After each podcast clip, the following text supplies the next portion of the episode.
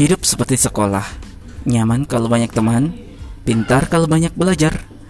Ada ujian kalau mau naik tingkatan.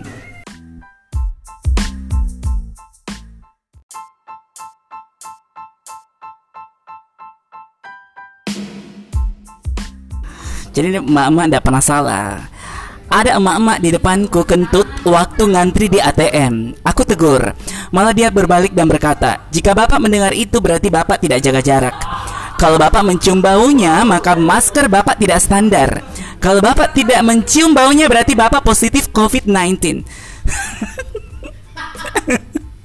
Intinya mereka tidak pernah salah, tetap taat protokol kesehatan dan tetap semangat menjalani hidup.